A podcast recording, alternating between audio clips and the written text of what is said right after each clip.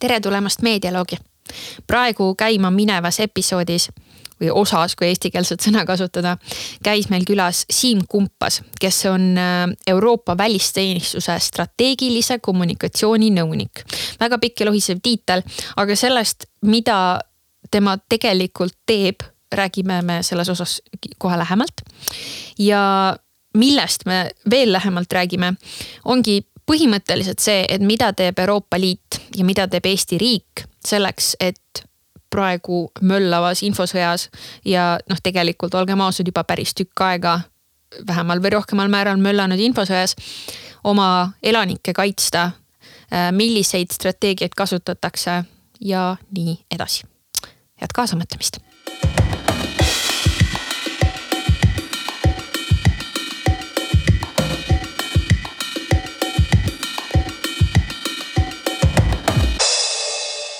tere, Siim. tere, Maria. kuidas läheb? väga hästi, tänan küsimust, sul äh,? ei saa ka kurta äh,, mul on hea meel, et hoolimata kõigist äh, logistilistest sellistest noh, keerdkäikudest ja sellest, et me ei ela noh, me elame samal kontinendil, aga see on üsna kõik, on ju. et, et me siiski oleme suutnud äh, kokku saada äh,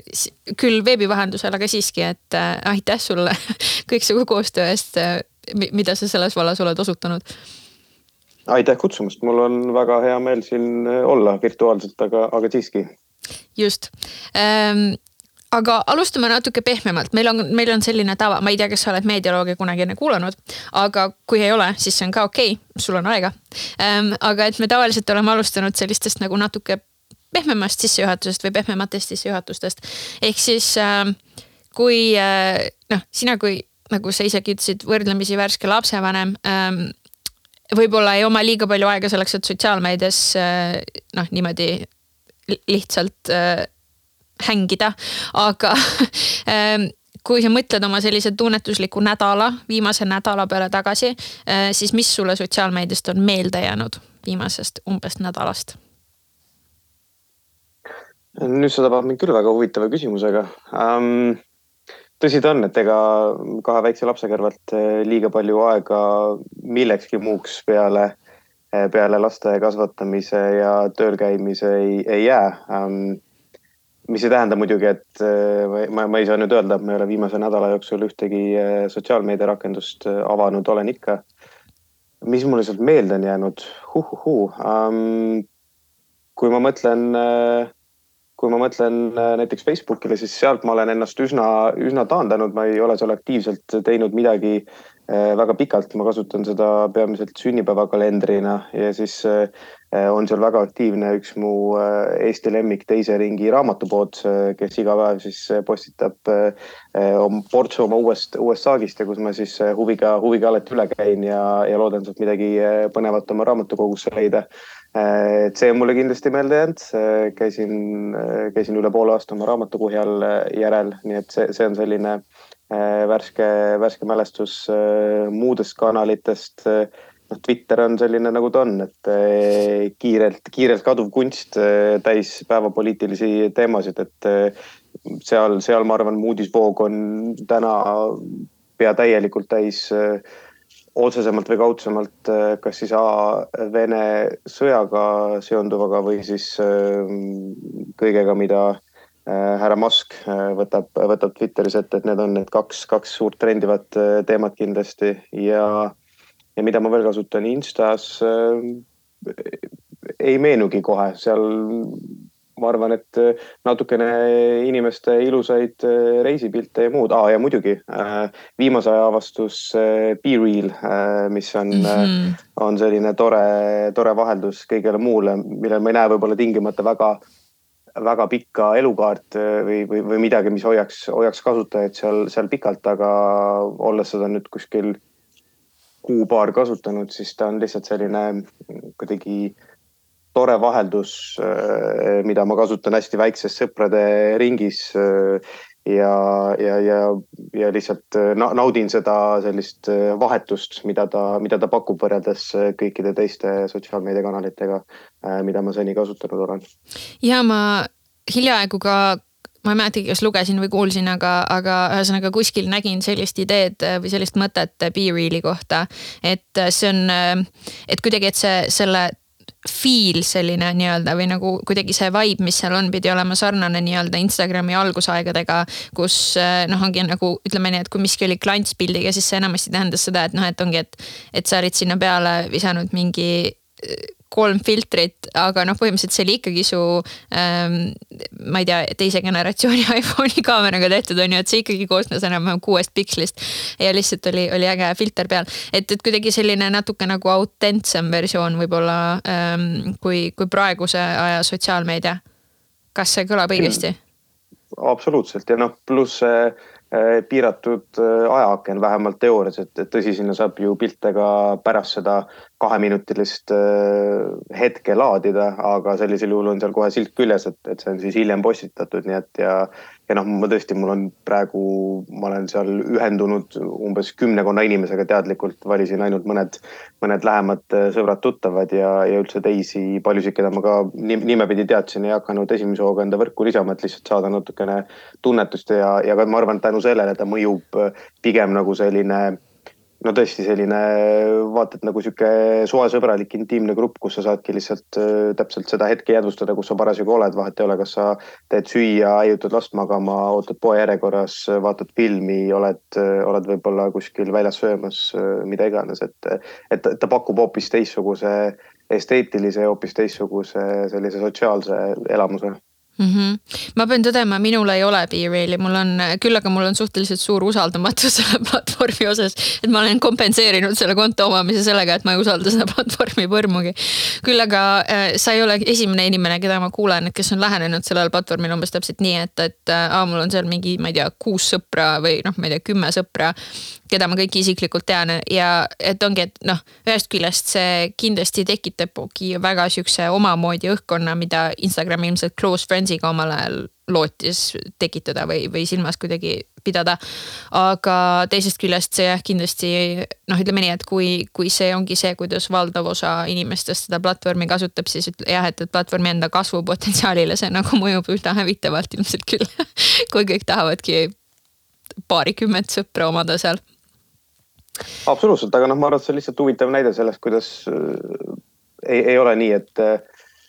et korraga saab eksisteerida ainult äh, paar-kolm hiiglaslikku platvormi, et eks nad omajagu monopoli meenutavas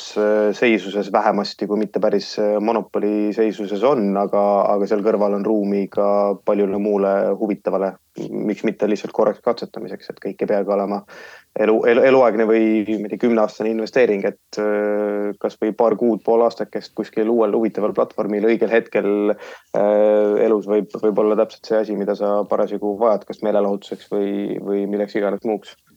Tõsi, tõsi. Ja, ja noh, samas ongi äh, väga, minu meelest vähemalt on väga huvitav jälgida seda, et kuigi vahepeal võis juba tunduda, et see selline noh, Facebooki või noh, meta industry'si on ju, selline hegemoonia on noh, nagu et, et senised reeglid ei kehti sellele äh, senised reeglid, kus siis no ongi platvormid tulid ja kadusid ja meil oli, ma ei tea, Orkut ja MySpace ja Rate ja mida iganes, mida iganes, on ju. et äh, tekkis ja kadus,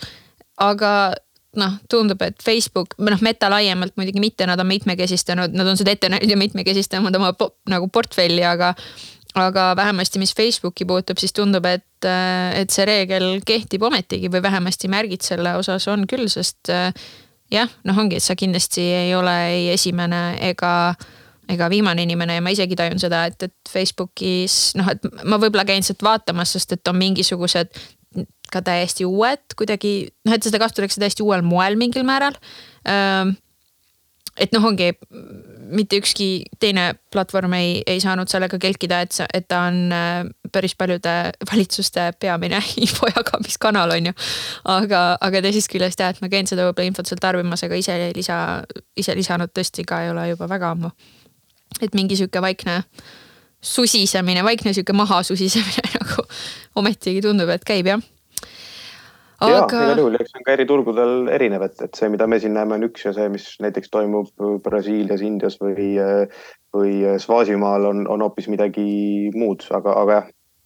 jah, ei seda küll jah. Äh, et see loomulikult tõesti, see oleneb äh, ühiskondlikust struktuurist paljuski ja nii edasi, aga, aga, aga vähemalt äh, Eestis kuidagi see tekkis minu jaoks kuidagi ootamatult. ma ei, ma ei näinud seda ette, et noh, ongi, et kui sa tahad peaministrilt midagi kuulda, siis sa lähed esimesena vaatad, mis ta Facebooki seinal toimub. Ähm, aga see vist, mulle tundub, et see tuli pandeemiaga aga võib-olla mulle tundub valesti, sest siis oli vist järsku nagu rohkem sellist jooksvat infot, mida oli jooksvalt kogu aeg. noh, ka sellistelt instantsidelt nagu saada või kuidas sulle tundub hmm.? No ma saangi rääkida sellest, kuidas mulle tundub, sest ma ei ole seda, ma olen küll, töötasin toona riigikantseleis Äh, ja, ja küll mitte valitsuse kommunikatsioonibüroos, kes tegeleb igapäevaselt äh, peaministri ja ülejäänud valitsuse toetamise, toetamisega siis äh, kommunikatsiooni vallas mm. -hmm. vaid, vaid natuke teise liini peal, siis ma ikkagi olin sellele suhteliselt lähedal, aga ma ei ole seda jah kunagi niimoodi spetsiifiliselt jälginud. mulle endale tundub, et, et selline nihe või, või suurem fookus pigem vähemasti sotsiaalmeediale ja, ja siis konkreetselt Facebookile toimus pigem natukene ikkagi varem juba, äh, mitte oluliselt varem, aga, aga, aga pisut varem kui äh, kakskümmend kakskümmend äh, varakevad. et tõsi, siis see intensiivistus mm, -hmm. ma arvan, osati ka sellepärast, et lihtsalt see infomaht kasvas nii plahvatuslikult ja ja, ja siis tõsi, me nägime olukordi, kus enam-vähem valitud ministrid otse kabinetiistungilt ei, ei suutnud enda elevust siis saavutatud kokkuleppe Mm, üle, üle tagasi hoida ja, ja siis jõudis info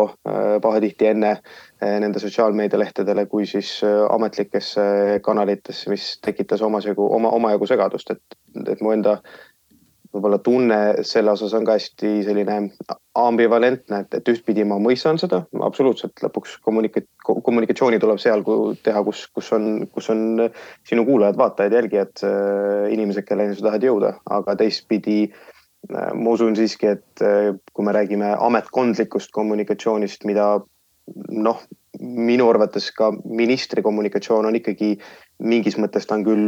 isik, poliitiline isik, aga, aga ta on siiski ka mingi, mingis mõttes esitab, esindab selgelt ka ametkonda. siis ametkondlik kommunikatsioon peaks ikkagi äh, säilitama võib-olla teatud sellised nüansid, et, et seal ei saa ära unustada selliseid klassikalisi kanaleid, olgu ta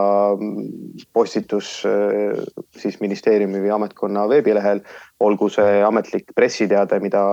paljud on juba aastakümneid vaat et surnuks kuulutanud. Ma isiklikult ei, ei usu seda. Äh, loomulikult uusi võimalusi on juurde tulnud, aga, aga see ei tähenda tingimata, et, et, et kasvõi näiteks selline lihtlabane asi mis on eh, pikalt olemas olnud nagu pressiteade oleks, oleks oma igasuguse väärtuse kaotanud, ei, ei ole, ma arvan mm. -hmm. ja ei, selles suhtes tõesti ütleme, ka mina ei ole seda uurinud, nii et ma kindlasti ei taha ei sulle ega kuulajatele väita, et see on, on kin, minu kindel fakti teadmine, et, et see sai alguse äh, kaks, kaks tuhat kakskümmend varakevadel. et äh, kuna mina olen, olen kogu sellesse spetsiifilisse kommunikatsioonivoogu, noh, mis üleüldse puudutab valitsust ja, ja erinevaid äh, juhtivaid instantse selles osas. et kuna mina puutun sellesse ainult tarbijana, siis ma ei oska seda kuidagi teisiti mõtestada mõtestada, aga noh, see igal juhul ma tean seda, et see oli nagu see hetk, kus äh, mind hakkas tabama väga palju rohkem sõnumeid sellest kanalist mm -hmm. kui, kui varasemalt. aga ei, see on iseenesest ma täiesti olen äh, sinuga nõus, et noh, et eks Facebooki postitusel ja Facebooki postitusel on ka muidugi vahe, eks ju. et teatud inimesed või ütleme siis teatud hetkedel Facebooki postitust noh, tegelikult ongi mingil määral asendanud pressiteate, on ju, et noh, ta on natuke vabam formaat, pressiteate formaat on ju tegelikkuses hästi nagu spetsiifiline. aga, aga et noh, et, et see ongi sisuliselt see, et kui sa tahad, et info jõuaks meediasse, siis sa ei saada pressiteadet, vaid sa paned Facebooki postituse ülesse. aga jah, et teisest küljest äh, see osa, mis äh, ühestki pressiteatest noh naljalt ei puutu, ei puudu, vabandust. ehk siis see, et seda vaatab mitu inimest ja seda keeletoimetatakse ja, ja siis noh, nii-öelda nagu need aspektid justkui sellest jah, Facebooki nii-öelda noh kogu see voog, kuidas Facebookis info liigub ja ka kuidas meedia Facebookist infot postitab, see kuidagi jääb nagu puudu. sest noh, et kuigi justkui on, eks ju, halb toon seda tehakse, aga siiski justkui loetakse halvaks tooniks, et uudise jaoks sa lihtsalt äh, kopeerid pressiteate täies mahus ja nii ongi, siis Facebooki postituste põhjal uudiseid tehakse küll üsna nii, et nad lihtsalt lingi, nad kirjutavad juhtlõigu ja veel paar lauset ja siis panevad selle, lingivad postituse alla, eks ju. et äh.... kahtlemata, eks see jällegi ma ei ole, ma küll olen õppinud äh, ajakirjandust ja kommunikatsiooni. Äh, õpetatakse neid ju Tartu Ülikoolis äh, käsikäes vähemalt esialgu, aga ma ei ole paraku töötanud päevagi ajakirjanikuna, kui mm -hmm. jätta kõrvale mu üsna lühikene karjäär äh, fotoajakirjanikuna ülikooli aegadest Tartu, Tartu Postimehes. Äh, siis äh, jah, eks noh, kõrvalt, kõrvalt ma näen ja palju tuttavaid ajakirjanduses töötab, et, et sellise meeletu töötempoga on ju tänuväärt, kui sa saad võtta pooleldi valmis toote sellise poolfabrikaadi mm -hmm. kuskilt Selveri letilt või, või, või mis tahes teisi, teise toidupoe tahtmata siin kedagi äh, esile tõsta. Ähm, ja, ja sellele siis täpselt äh, natukene, natukene sissejuhatust, äh, kokkuvõtet juurde lisada ja, ja tükike valmis, et aga mis ka võib-olla, mis on vahe äh, selliste klassikaliste ametkondlike kanalite ja siis sotsiaal, sotsiaalmeedia vahel muuhulgas on, on see, et, et ametkondlike kanalite puhul on selge, et need ongi ametkondlikud kanalid, kõik info, mis sinna jõuab, see on esiteks noh, avalikult kättesaadav, avalikkusele mõeldud, äh, avalikult kasutatav ja see on ametlik, ehk siis äh, selle puhul ei teki küsimust, et, et, hmm, et ma lugesin midagi ministeeriumi kodulehel, huvitav, kas see nüüd on kas see on kellegi nüüd äh, isiklik arvamus, mõne ametniku, kas see on äh, selle ametkonna ametkondlik arvamus, on see mingi ministri poliitiline seisukohavõtt või, või mis, mis ta on, et seda võib äh, käsitleda kui ametlikku seisukohta. kui me võtame vastukaaluks äh, mis tahes poliitiku äh,, just poliitiku, mitte niivõrd siis võib-olla asutuse mm, sotsiaalmeediavoo, siis äh, seal ei ole üldse see nii lihtne, äh, sest mm -hmm. sul on väga-väga-väga selgesti on seal ju enamasti läbisegi, on sul selliseid üsna Äh, noh, bürokraatliku loomuga tekste, mida, mida noh, mille puhul võib eeldada, et, et ju see on siis kirjutatud sellise rohkem või vähem ametliku äh, Eesti eraelulisi asju ja, ja see, ma arvan, tekitab parasjagu segadust, et, et veel kord, ma ei, ma ei arva, et, et poliitikud ei, ei peaks sotsiaalmeedias ähm, esinema või, või, või osalema üldse, üldse mitte, see on igati tervitatav, aga ma arvan, et seal on nagu mõistlik mingites sellistes mängureeglites või vähemalt heades tavades äh, kokku leppida, et see teeb, ma arvan, kokkuvõttes enda elu lihtsamaks, et on seda vähe, vähem sellist valesti tõlgendamist ja ma ei tea, isiklike arvamuste äh, ametlikeks pidamist ja vastupidi äh,. ja, ja teistpidi, ma arvan, ka ajakirjanikel on, on natukene lihtsam mm, toimetada, sest noh, nemad ka ju pidevalt otsivad endale allikaid ja, ja infokilde, milles siis äh, midagi äh, uudisväärtuslikku kokku panna, nii et, et ma arvan jah, et seal on, on selles mõttes sellist küpsemisruumi sellel väljal. Äh, ma ei ole uurinud lähedalt, kuidas see on teistes riikides korraldatud või ei ole, kas see on üsna orgaaniline nagu Eestis või on seal mingisugused mm, juhised, muidugi sul on, kui Eestis sul on a la ametnikele või teistele mõeldud käitumise juhised, head tavad, kuidas sotsiaalmeedias laiemalt käituda, aga just ma mõtlen jah, sellist võib-olla meedia ja ametkondade vahelist suhet sotsiaalmeedias, et, et kuidas see võiks välja näha, ma arvan, et siin on, siin on sellist arengu ja küpsemisruumi ja seda kindlasti, ma äh, jäingi sind kuulates mõtlema ka selle peale äh,. minu eelmine külaline stuudios oli Heleri All äh,, kes töötab äh, ERR-is ja äh, temaga meil tuli ka jutuks see äh, kuna ta käis mul siin stuudios, äh, noh, episood on nüüdseks väljas, nii et saan sellest kõigest vabalt rääkida, aga ta käis mul siin stuudios äh, ainult mõni päev peale seda, kui Kaja Kallas oli teinud äh, siis otseesinemise või noh, tähendab, ma ei tea, kas otse, aga oli teinud teleesinemise, eks ju, nii-öelda erakorralise teleesinemise ETV-s. ja, ja noh, ongi, et sind kuulates ka ja nagu me ka Heleriga rääkisime, siis see on äh, selles mõttes minu jaoks hästi huvitav vaadata, kuidas äh, noh, see, et meil nüüd on nagu rohkem erinevaid kanaleid või platvorme, kust saada infot. noh, selliselt inimeselt nagu meie peaminister näiteks. Äh, noh, nii-öelda otse tema enda näo ja tema enda noh häälega, ükskõik, kas see on siis otseselt häälega või rohkem nagu selle ülekantud tähenduses on ju. siis äh, mulle vähemasti tundub, et, et noh, et see esinemine või, või et see selline äh, formaadi valik või platvormi valik tundus äh, noh, et kogu see vastuolu, mis selle ümber, eks ju oli, et, et kuidas see on ebaproportsionaalne ja tekitab paanikat ja nii edasi. et äh, mulle tundub, et kuidagi nüüd see nii-öelda vanakooli formaat milles noh, tegelikult ju mingites riikides kindlasti siiamaani see on, see on tavapärane formaat, et kui peaminister üldse midagi öelda tahab, siis ta umbes täpselt nii suhtlebki oma, äh, oma noh, nii-öelda oma rahvaga. Aga, aga et nüüd see tundub meie jaoks nagu noh, ongi, see tundub nii suur asi ja see tundub nii ebaproportsionaalne. Kuidas, kuidas sina tunned selle osas? kindlasti. Võib-olla tahtmata väga lähedalt kommenteerida seda konkreetset ähm, juhtumit, sest äh, kuna ma praegu äh, Eestis ei ela äh, juba pea aastakene, siis äh, siin toimuv on selline loomulikult ma hoian silma peal ühtpidi, aga teistpidi natukene kauge, nii et, et mm -hmm. osad nüansid võib-olla lähevad,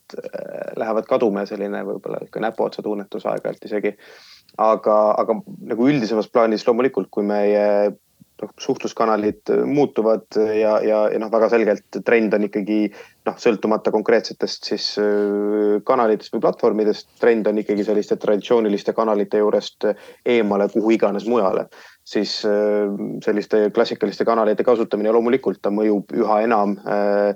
äh, võib-olla kuidagi arhailisemalt ja, ja teistpidi ka kuidagi olulisemalt, et, et no mis nüüd ometi lahti on, et ma olen mm, -hmm. ma ei tea, niimoodi täiesti sihuke mitte nagu võib-olla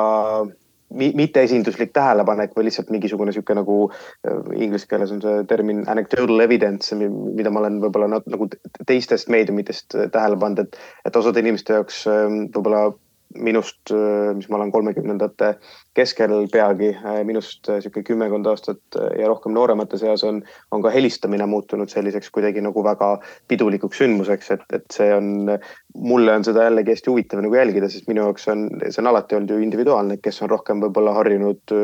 verbaalselt ennast väljendama, kes, kes kirjutades, kes kuidas ähm, et, et helistamine on, noh, mina olen sellega üles kasvanud, minu jaoks helistamine on kõige naturaalsem asi ja, ja, ja kuulda, et, et on inimesi, kes noh, stiilis kuidagi võib-olla ei tahagi mm, helistada, kui pole varem kas kokku lepitud või kui pole suurt vajadust, siis ma arvan, et see võib-olla otsapidi ilmestab sedasama trendi, et, et, et kui me ei ole harjunud enam mingeid kanaleid kasutama, eriti selliseid traditsioonilisi, siis nad omandavad kuidagi nagu sellise jah, kuidagi suurema, tõsisema ja võib-olla siukse isegi mingi müütilise, müstilise äh, aura ühel hetkel äh,, millega me peame lõpuks arvestama, et, et, et see on, ma arvan, ka kommunikatsiooniinimeste töö osa tajuda, kuidas, kuidas äh, need trendid liiguvad ja, ja, ja mida see tähendab sellele, et, et öelda võib-olla viis või kümme aastat tagasi peaministrile, et, et mine tele-eetrisse ja ütle seda versus täna, et, et see omab nagu sa ütlesid ka ise, et hästi ja ma olen nõus sellega, hästi erinevat mõju inimestele. nii et, et ma arvan jah, kommunikatsiooni inimeste töös on vaja sellist arvesse võtta, et, et, et selleks, et võib-olla saavutada sellist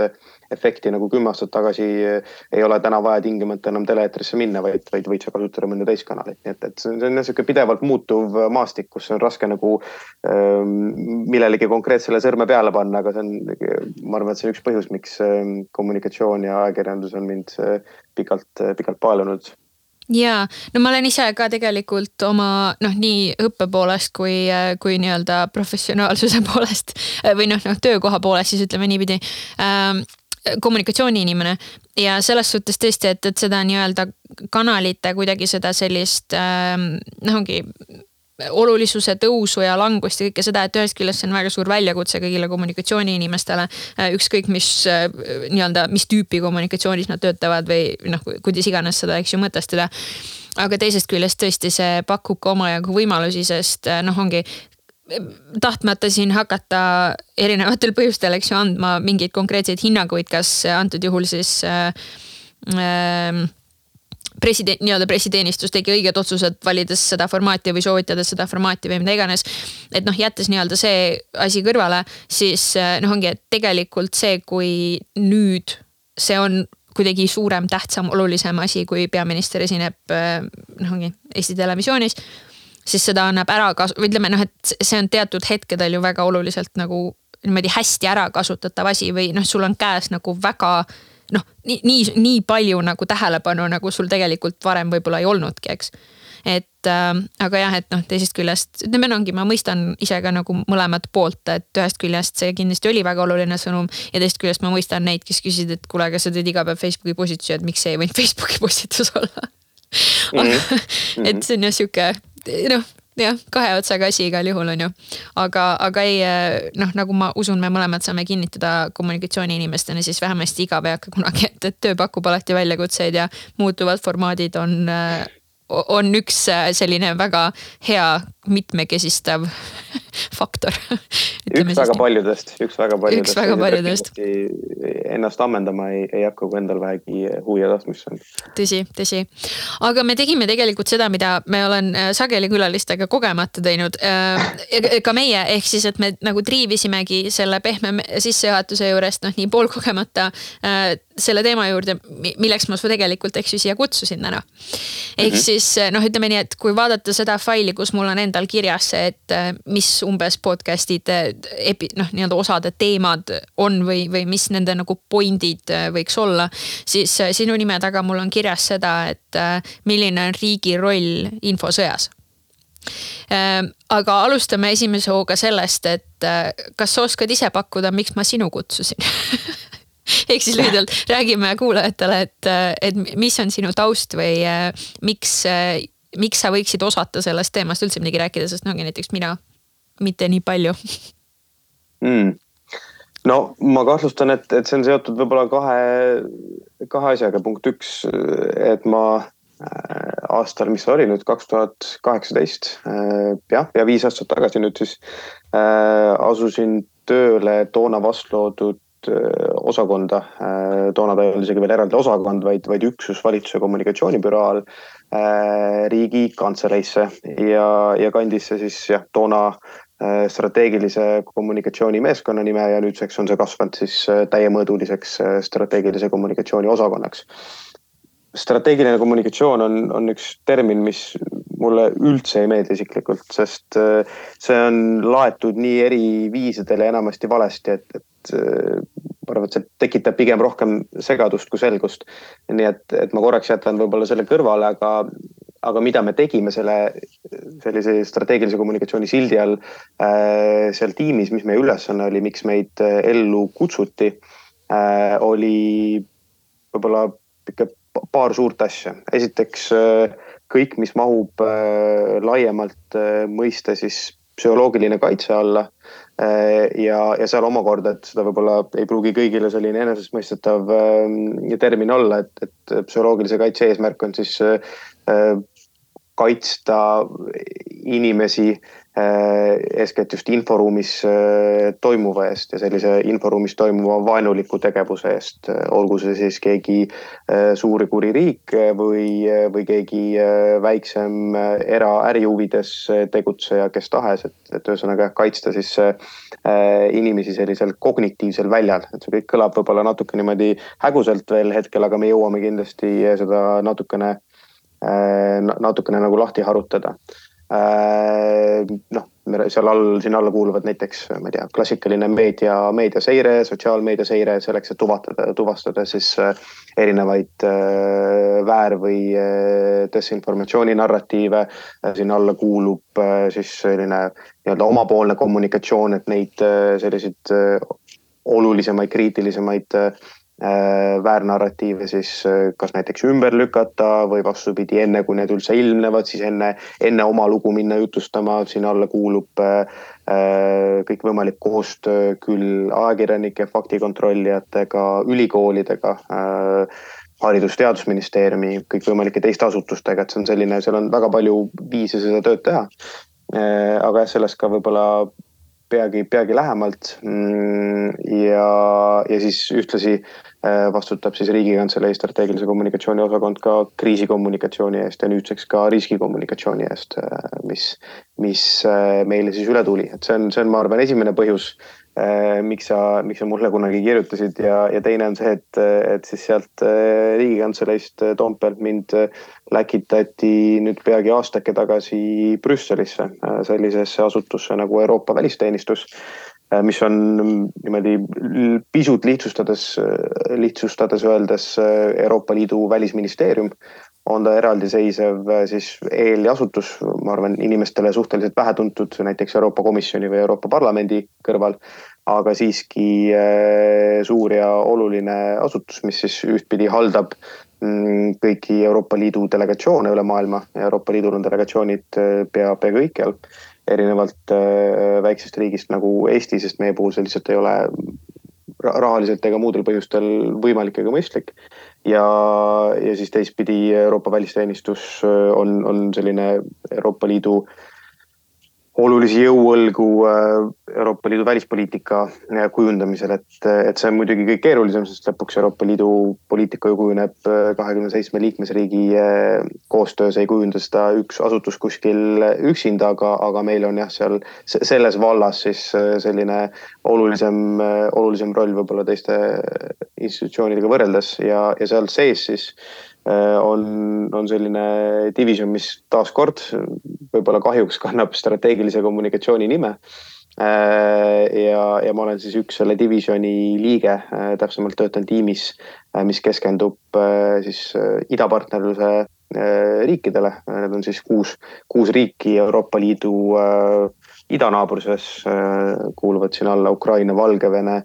Moldova, Gruusia, Armeenia ja Aserbaidžaan ja, ja meie ülesanne siis äh, selles väikses, äh, väikses tiimis on äh,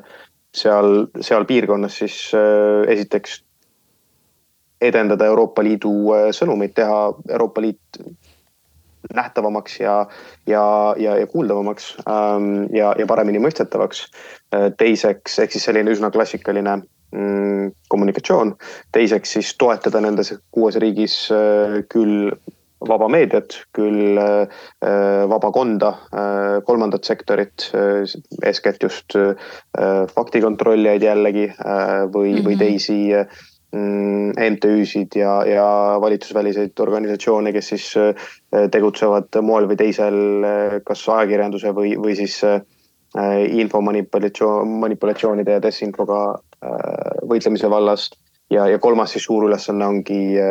desinformatsiooniga võitlemine, eeskätt siis just äh, Venemaalt tuleva desinformatsiooniga võitlemine nendes kuues riigis, et, äh, et kuivõrd me oleme, oleme välisministeeriumi äh, rollis Euroopa Liidu tasemel, siis, siis see tähendab ühtlasi ka, et meie nagu võimalused toimetada Euroopa Liidu sees on hästi piiratud, et mm -hmm. eks see info manipulatsioonide ja inforünnakutega ole parasjagu piirav loomulikult, sest, sest ega teadupoolest inforünnakud ju riigipiire ei, ei tunne, et ei ole nii, et, et jõuavad nad äh, kuskilt ida poolt Schengeni, siis jäävad seisma ja koputavad äh, viisakalt uksele ja jäävad ootama, et kas, kas nad siis pääsevad või ei, et, et see kõik ju liigub äh, reaalajas ilma igasuguste eriliste piirideta. aga, aga jah, niivõrd, niimoodi on Euroopa Liit kord, kord ehitatud ja, ja teistpidi sellise võib-olla selguse mõttes ei ole ka see üldse halb, sest üks selliseid suuri küsimusi, mille, mille üle paljud valitsused äh, pead murravad. Ähm, küsimuses, mis puudutab siis äh, inforünnakute võitlemist, äh, inforünnakutega võitlemist, ongi see, et, et, et kas ja kuhu me peaksime tõmbama piiri välise sekkumise ja siis siseriiklikult toimuva vahel ja, ja kui me vaatame ka siseriiklikult toimuvat, siis, siis kus lõpeb normaalne demokraatlik poliitika ja, ja vaba sõna ja kus algab siis see, mida me ei pea justkui kuidagi lubatuks või, või, või, või mõistlikuks. nii et, et selles mõttes see teistpidi jah, teeb meie töö kindlasti, kindlasti lihtsamaks, et, et meil ongi väga selge fookus siis Euroopa Liidu lähinaabruses toimuval, nii et või, või võib-olla pisut laialivalguvalt, aga, aga need, need on võib-olla need kaks sellist äh, nurka, äh, mis on mind äh, sellesse inforünnakute valdkonda sisse tõmmanud ja, ja olen ma nüüd selles siis üks sihuke viis aastakest toimetanud ja seda iga nurga alt uurinud, küll hästi praktiliselt alates väikeste projektide vedamisest lõpetades siis Euroopa Liidu poliitikate kujundamiseni, nii et, et selline päris, päris tore lai vaade on tänaseks kujunenud. Jah ähm,, selles suhtes ütleme siis nii, et, et äh, see jutt tekitas minus eelkõige äh, kolm mõtet, mis äh, mõni on rohkem naljaga kui mõni teine. lühidalt jah, sul on õigus, need on need põhjused, miks ma su täna kutsusin. Nendele lisandub ka natuke proosalisem, ehk siis see, et meie podcast'i vaata et üks kõige sagedasemaid külalisi teatud aspektidest ehk siis Maia Klaassen kes oma, oma nii-öelda teaduselus äh, tegeleb äh, suhteliselt palju desinformatsiooni, äh, infohäiretega laiemalt ja riigikaitsega ja nende erinevate asjade noh, ütleme siis seostega ähm, laias laastus ütles mulle, et äh, kuule, kutsu Siim, et ja ma usal- no,, usaldan tema, ma usaldan tema nagu arvamust, et, äh, et kui ta ütleb, et sa oled kõige pädevam inimene, äh, kellega võiks olla ka noh, niimoodi podcast'i mõttes huvitav sellest rääkida, siis, siis ma usaldan teda ja noh, seni tundub, et tal on õigus, nii et aitäh, Maia um,. teine mõte, mis mul tekkis, ongi see, et, et noh, et et mingis mõttes see kindlasti oleks ju palju lihtsam, ütleme, see lihtsustaks omajagu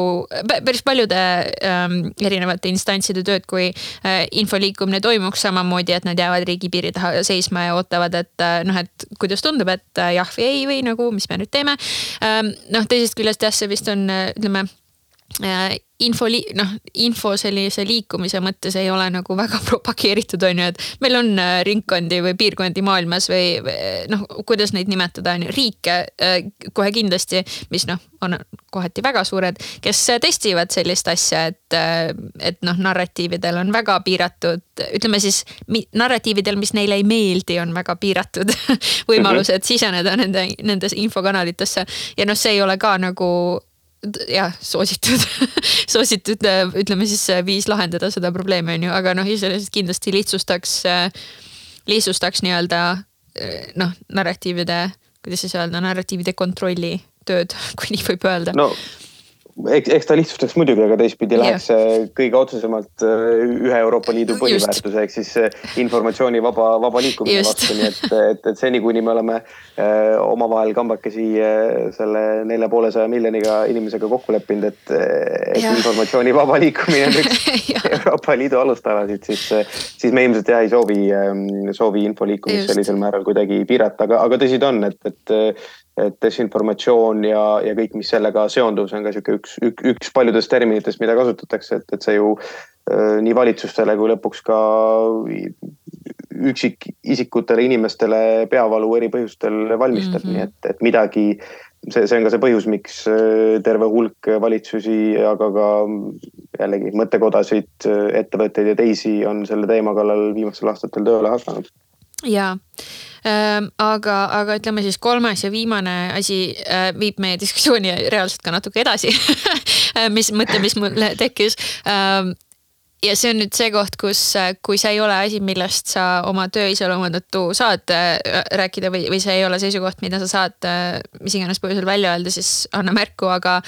äh, sa loetlesid need kuus riiki, kellega äh, siis see division, millesse sa kuulud või see tiim, millesse sa kuulud, tegeleb äh,. see mõistagi ei sisalda või noh, mitte mõistagi, aga see ei sisalda Venemaad, küll aga sisaldab Valgevenet. Ehm, kas see on alati nii olnud? kas Venemaaga tegeleb eraldi, täiesti eraldi divisjon või, äh, või kui see on, ütleme siis viimase aja muudatus, noh, ma lihtsalt eeldan, et see on küsimus, mis tekib paljudel, mitte ainult minul on ju seda nimekirja kuulates. või et kui see on viimase aja muudatus, siis miks see kehtib Venemaale, aga näiteks ei kehti Valgevenele? Ja, ma nimetasin need kuus riiki ka täitsa selles mõttes äh, proosalisel põhjusel, et, et ma tahtsin kuulajat säästa sihukest äh, veel pikemast äh, tiraadist Euroopa välisteenistuse hingeelu teemadel, et tegelikult see on, see on lihtsalt selle ühe väikse tiimi fookus ja yeah., ja meil suuremas divisjonis on, on tiime erinevaid. mõned neist on sellise selge geograafilise fookusega nagu see tiim, kus mina, mina siis toimetan mm. -hmm sarnaseid siis selliseid geograafilisi tiime on meil veel näiteks ka katmaks äh, Lääne-Balkani riike, aga ka kogu siis äh, ütleme Põhja-Aafrikat ja Lähis-Ida äh, araabiakeelset osa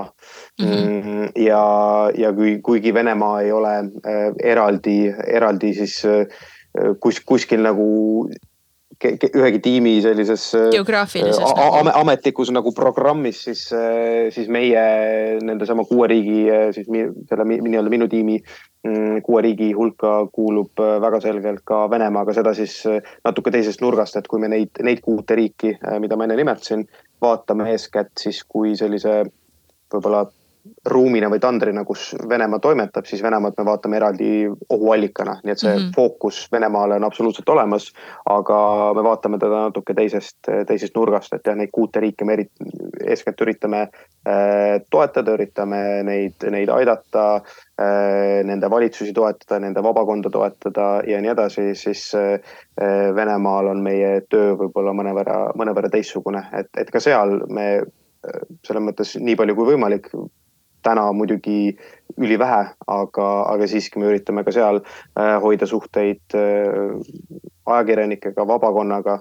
ähm,. aga, aga loomulikult see on, see on tänaseks ülikeeruliseks muutunud, sellepärast et, äh, et see, mis on toimunud pärast kahekümne neljandat veebruarit sel aastal Venemaal sees, on, on võib-olla miski, millest on räägitud palju vähem äh, võrreldes sellega, mida Venemaa on, on kõike kurja korda saatnud Ukrainas ja arusaadavgi. aga, aga jah, et tasub ka silma peal hoida sellel, mida Venemaa teeb eh, oma riigis sees ja, ja, ja muuhulgas eh, see, mida ta teeb, on siis kõikvõimalike kraanide kinnikeeramine, eriti inforuumis, et küll on vastu võetud terve hulk uusi seadusi, mis piiravad seda, mida võib või ei või öelda Äh, küll on keelatud äh, erinevaid äh, suhtluskanaleid, paljusid lääne platvorme sealhulgas vangistatud ajakirjanikke, välja, meediaväljaandeid laiali saadetud ja nii edasi ja nii edasi ja nii edasi. ehk siis on aus öelda, et, et või tähendab, kas on aus öelda, et vaba info liikumine nii-öelda Venemaa suunal on tänaseks vähemalt sama piiratud kui näiteks Hiina suunas või isegi rohkem? või sa ei tahaks teha, või sa ei tahaks teha siukseid võrdlusi? ei, ma ei, ma, ma väga ei tahaks, aga, aga no kuna sa mult seda küsid, siis ma, ma päris nagu vastamata ei, ei jäta, et, et see kindlasti, kuna ma ei uuri igapäevaselt äh, Hiinat ja ma ei tegele Hiina suunal, siis äh, ma tunnen Hiinat palju vähem ja ma arvan mm, -hmm. et see on, see on nagu laiem trend, et meil on palju rohkem äh, inimesi, kes mingi piirini mõistavad äh, seda, kuidas Kreml tegutseb võrreldes sellega, kuidas Hiina kommunistlik partei tegutseb. aga, aga, aga, aga jah, ma arvan, et see on mõnevõrra erinev. aga täpsustan. ma siis täpsustan küsimust, õigupoolest ma siis natuke muudan küsimust, ma olen iseenesest sinuga nõus, et ütleme, et Hiina noh kõigil on võib-olla mingi selline natuke stereotüüpne arusaam sellest, kuidas see suhe võiks toimida või, või kui äh, palju Hiina ähm, noh kompartei ja valitsus kiidavad heaks või ei kiida heaks lääne mõjusid ja kas nad lasevad nendel sündida või mitte, noh nii edasi, seda, seda tüüpi asjadel. aga, aga noh, ütleme, võtleme, võtame siis võrdluseks äh, äh, näiteks Põhja-Korea mille puhul ka ilmselgelt me kumbki ei ole ekspert, aga, aga meil on võib-olla natukene noh, ütleme konkreetsem teave selle kohta, et, et nad ei ole huvitatud mitte mingitest mõjudest, mitte mingitest narratiividest. Neil on oma maailm, nad elavad selles ja, ja nii ongi, et, ähm, et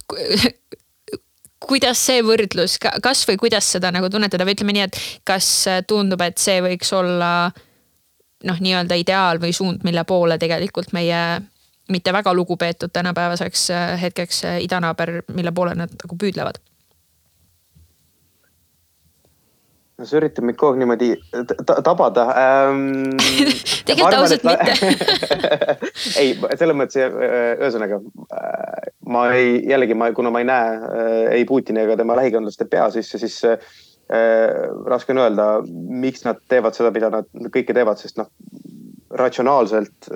on, on enamus, mida nad on alates kahekümne neljandast veebruarist teinud, ebaloogiline, ebamõistlik ka nende enda huvidele. aga vaatamata sellele neil on mingisugune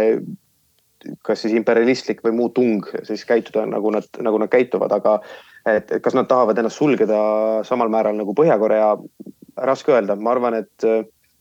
et, et võib, võib-olla nad ühtpidi isegi, nad tahaksid seda, sest väga selgelt nad ei ole huvitatud sellest, et äh,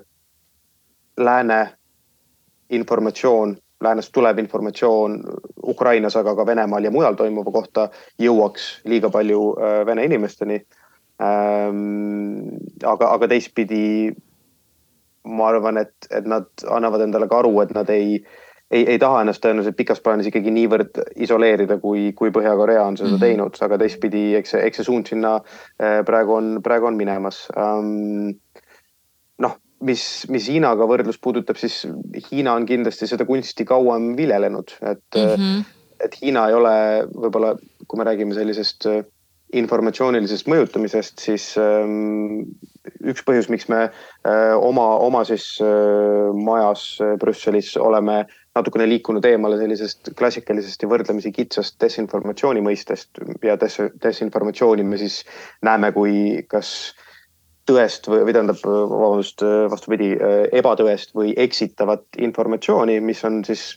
teadlikult mm -hmm. ebatõene või eksitav ja mida keegi siis loob ja levitab enda huvides, vahet ei ole, kas need huvid on poliitilised, kas need on ärilised, kas need on isiklikud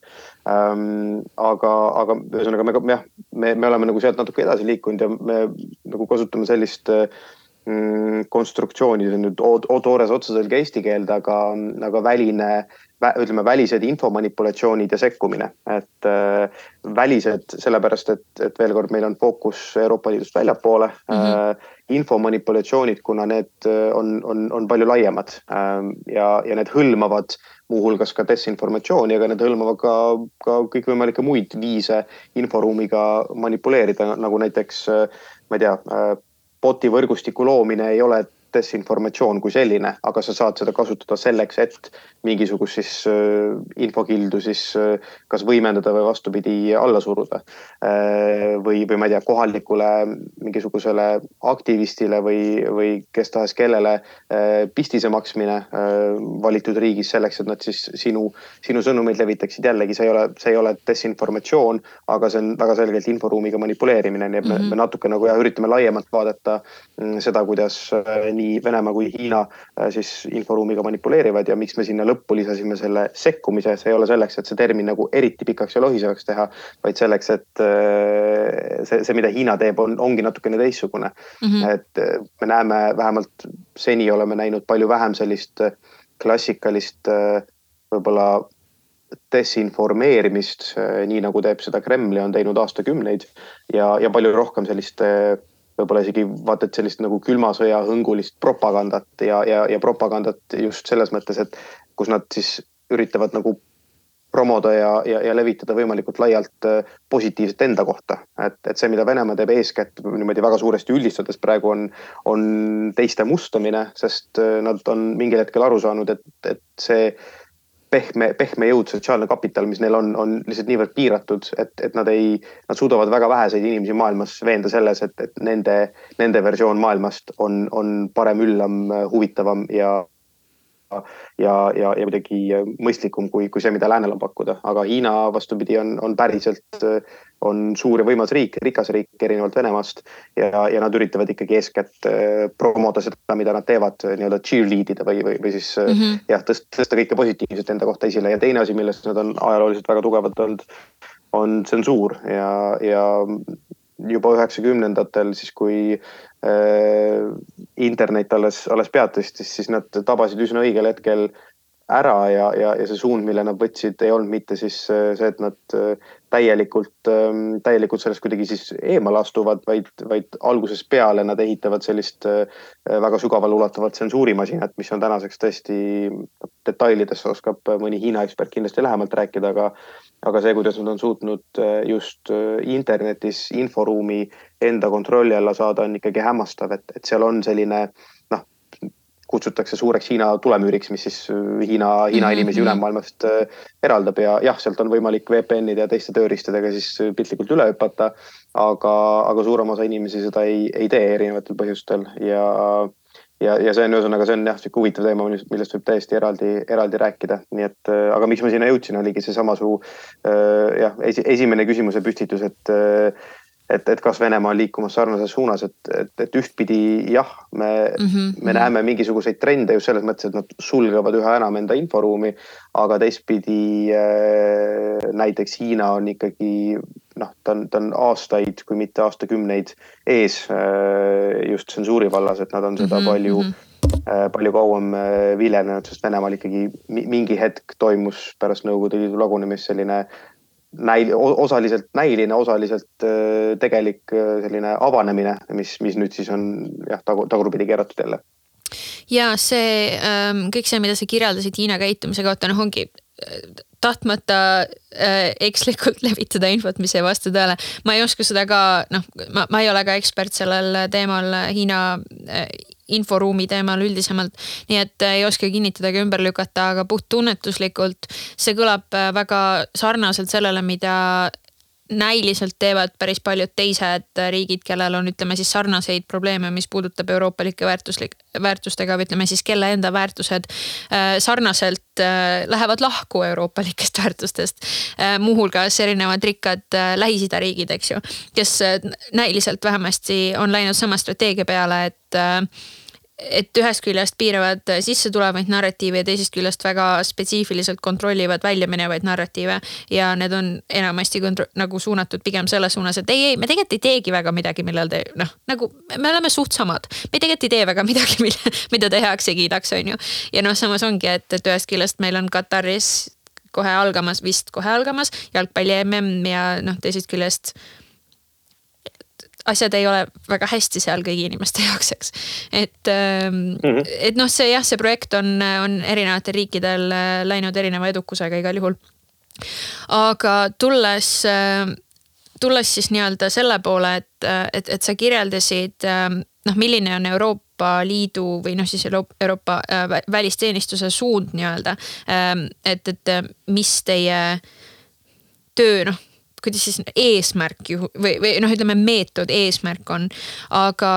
äh, sinu kogemustes äh, nii Riigikantseleis töötades kui praegu siis Euroopa välisteenistuses siis äh, kuidas sa hindaksid, milline on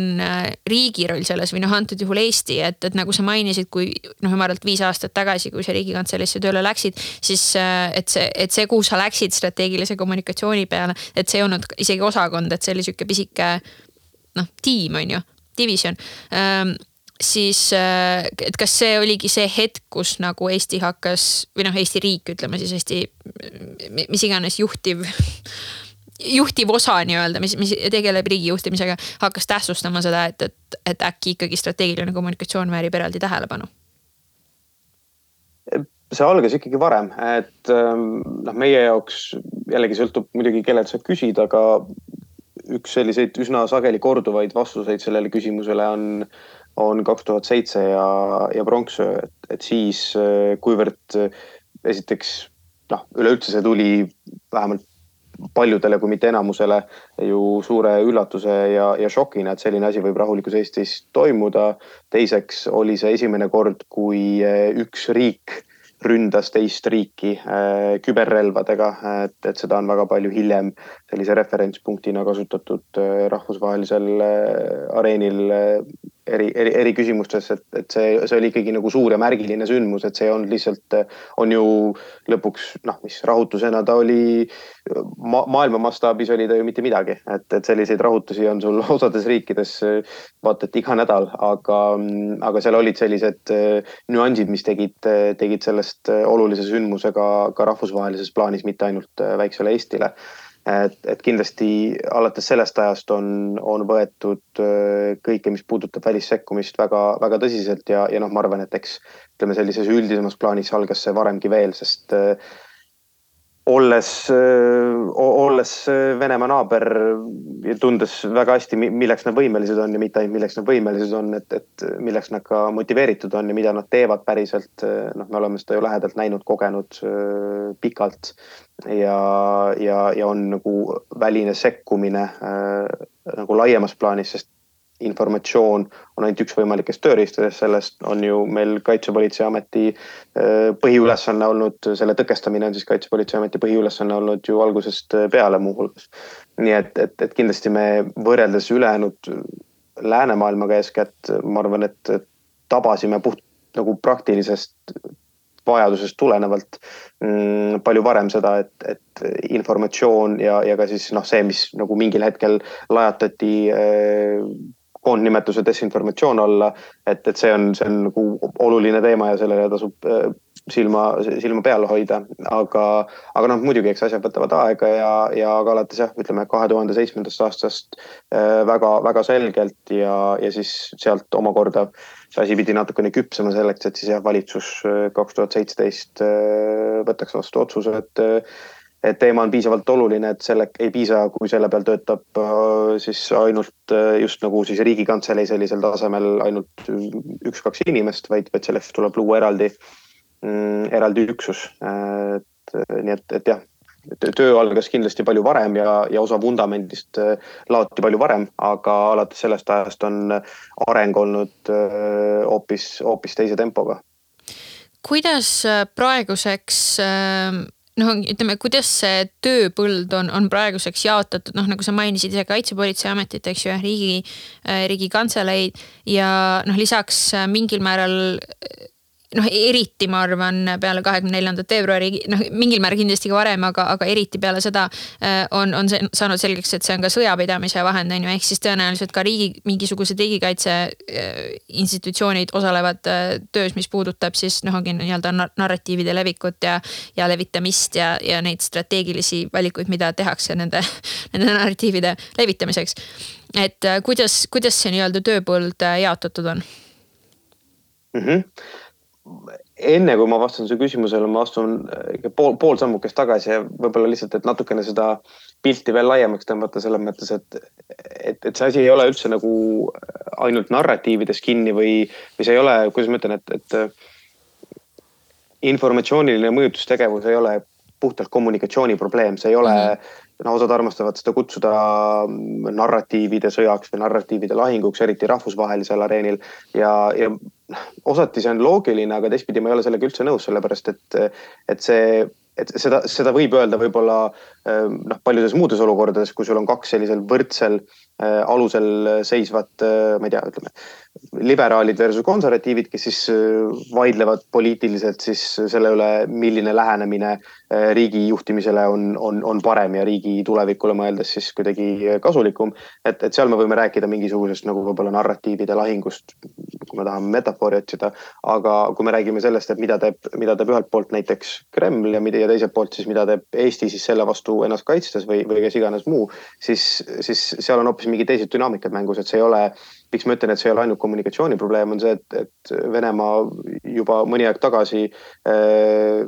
positsioneeris informatsiooni kui relva äh, ja, ja, ja seda täitsa sõna otseses mõttes, et, et kui meie siin läänes ikkagi oleme harjunud mm, liberaalsete väärtuste ja, ja, ja suurte vabadustega, siis, siis noh, veel, veel nagu mõned aastad tagasi väga paljud ka läänes vaatasid äh, suuri Vene propagandaväljaandeid kui ajakirjandust, sest see on nagu see, kuidas meie oleme õppinud mõtlema äh, seda tüüpi organisatsioonidest, aga, aga see, kuidas, kuidas äh, mõtestavad äh, Kremli ametnikud ja, ja nende võrgustik seda, mida teeb näiteks RT või Sputnik, tuues sellised tüüpilised ära leierdatud näited, aga neid kanaleid on kõvasti teisi, siis, siis nad positsioneerivad ennast fundamentaalselt teistmoodi, nad ei, nad isegi ei ürita jah, okei okay., mingi piirini rahvusvahelisele turule just nad üritavad jätta muljet, et nad on põhimõtteliselt samasugused nagu BBC, Deutsche Welle eh, ja kõik teised eh, siis avalik-õiguslikud kanalid, kes riigilt eh, raha saavad, aga teistpidi on, ma ei tea, kas on, on siis nagu neil vahepeal keel vääratanud või on nad tahtnud lihtsalt siis poosetada, aga, aga on, on mitmeid avalikke intervjuusid siis nendesamade kanalite juhtivtöötajatega, kus nad väga selgelt ütlevad, et, et, et see, mida nad teevad, on näiteks äh, odavam viis inimesi tappa kui, kui relv või, või, või see, et, et nende tööd tuleks pigem äh, võrdsustada kaitse või, või, või siis sõjaministeeriumi omaga, et nad siis mul tekib küsimus, et miks me tahame nii hirmsasti neid ise ajakirjandusena, ajakirjandusena määratleda ja siis ka sel, sellelt nagu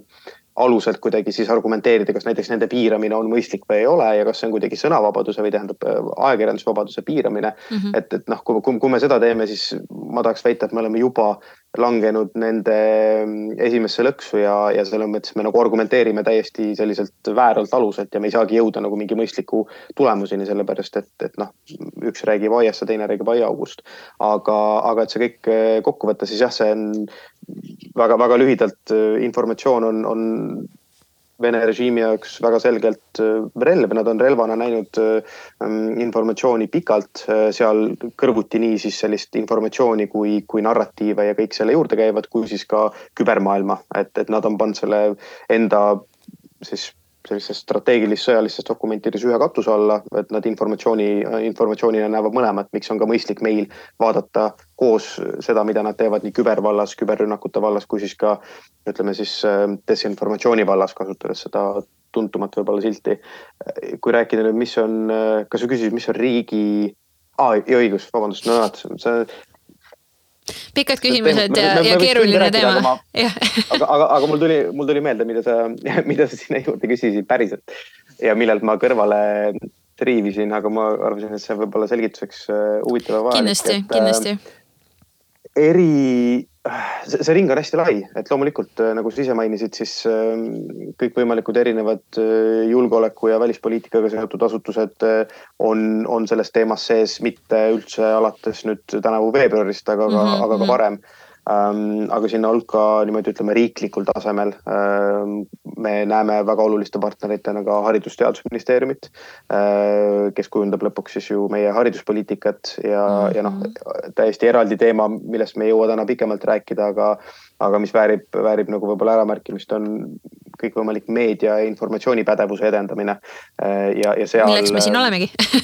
milleks me siin olemegi, voilà, et äh, ja, ja, ja noh, loomulikult seda saab teha ava, avalike suurte kampaaniatega, aga ma isiklikult siiralt usun, et seni, kuni see ei ole mm, meie õppekavade läbiv ja väga fundamentaalne osa. Äh, seni noh, ei ole meil mõtet mingit erilist edu või suurt efekti äh, oodata, et selliste üksikute sähvatustega kord aastas nädalake kampaaniat, äh, mis on ka vajalik, aga see ei see, see ei ole piisav, et, et, et hoida ühiskonda piisavalt teadlikuna sel teemal, nii et Haridus-Teadusministeerium, nende allasutused, Kultuuriministeerium, sest äh, mida Venemaa ju väga mm, selgelt teeb, on, on, tõmbab kogu sellesse mängu sisse meie rahvusvähemused ja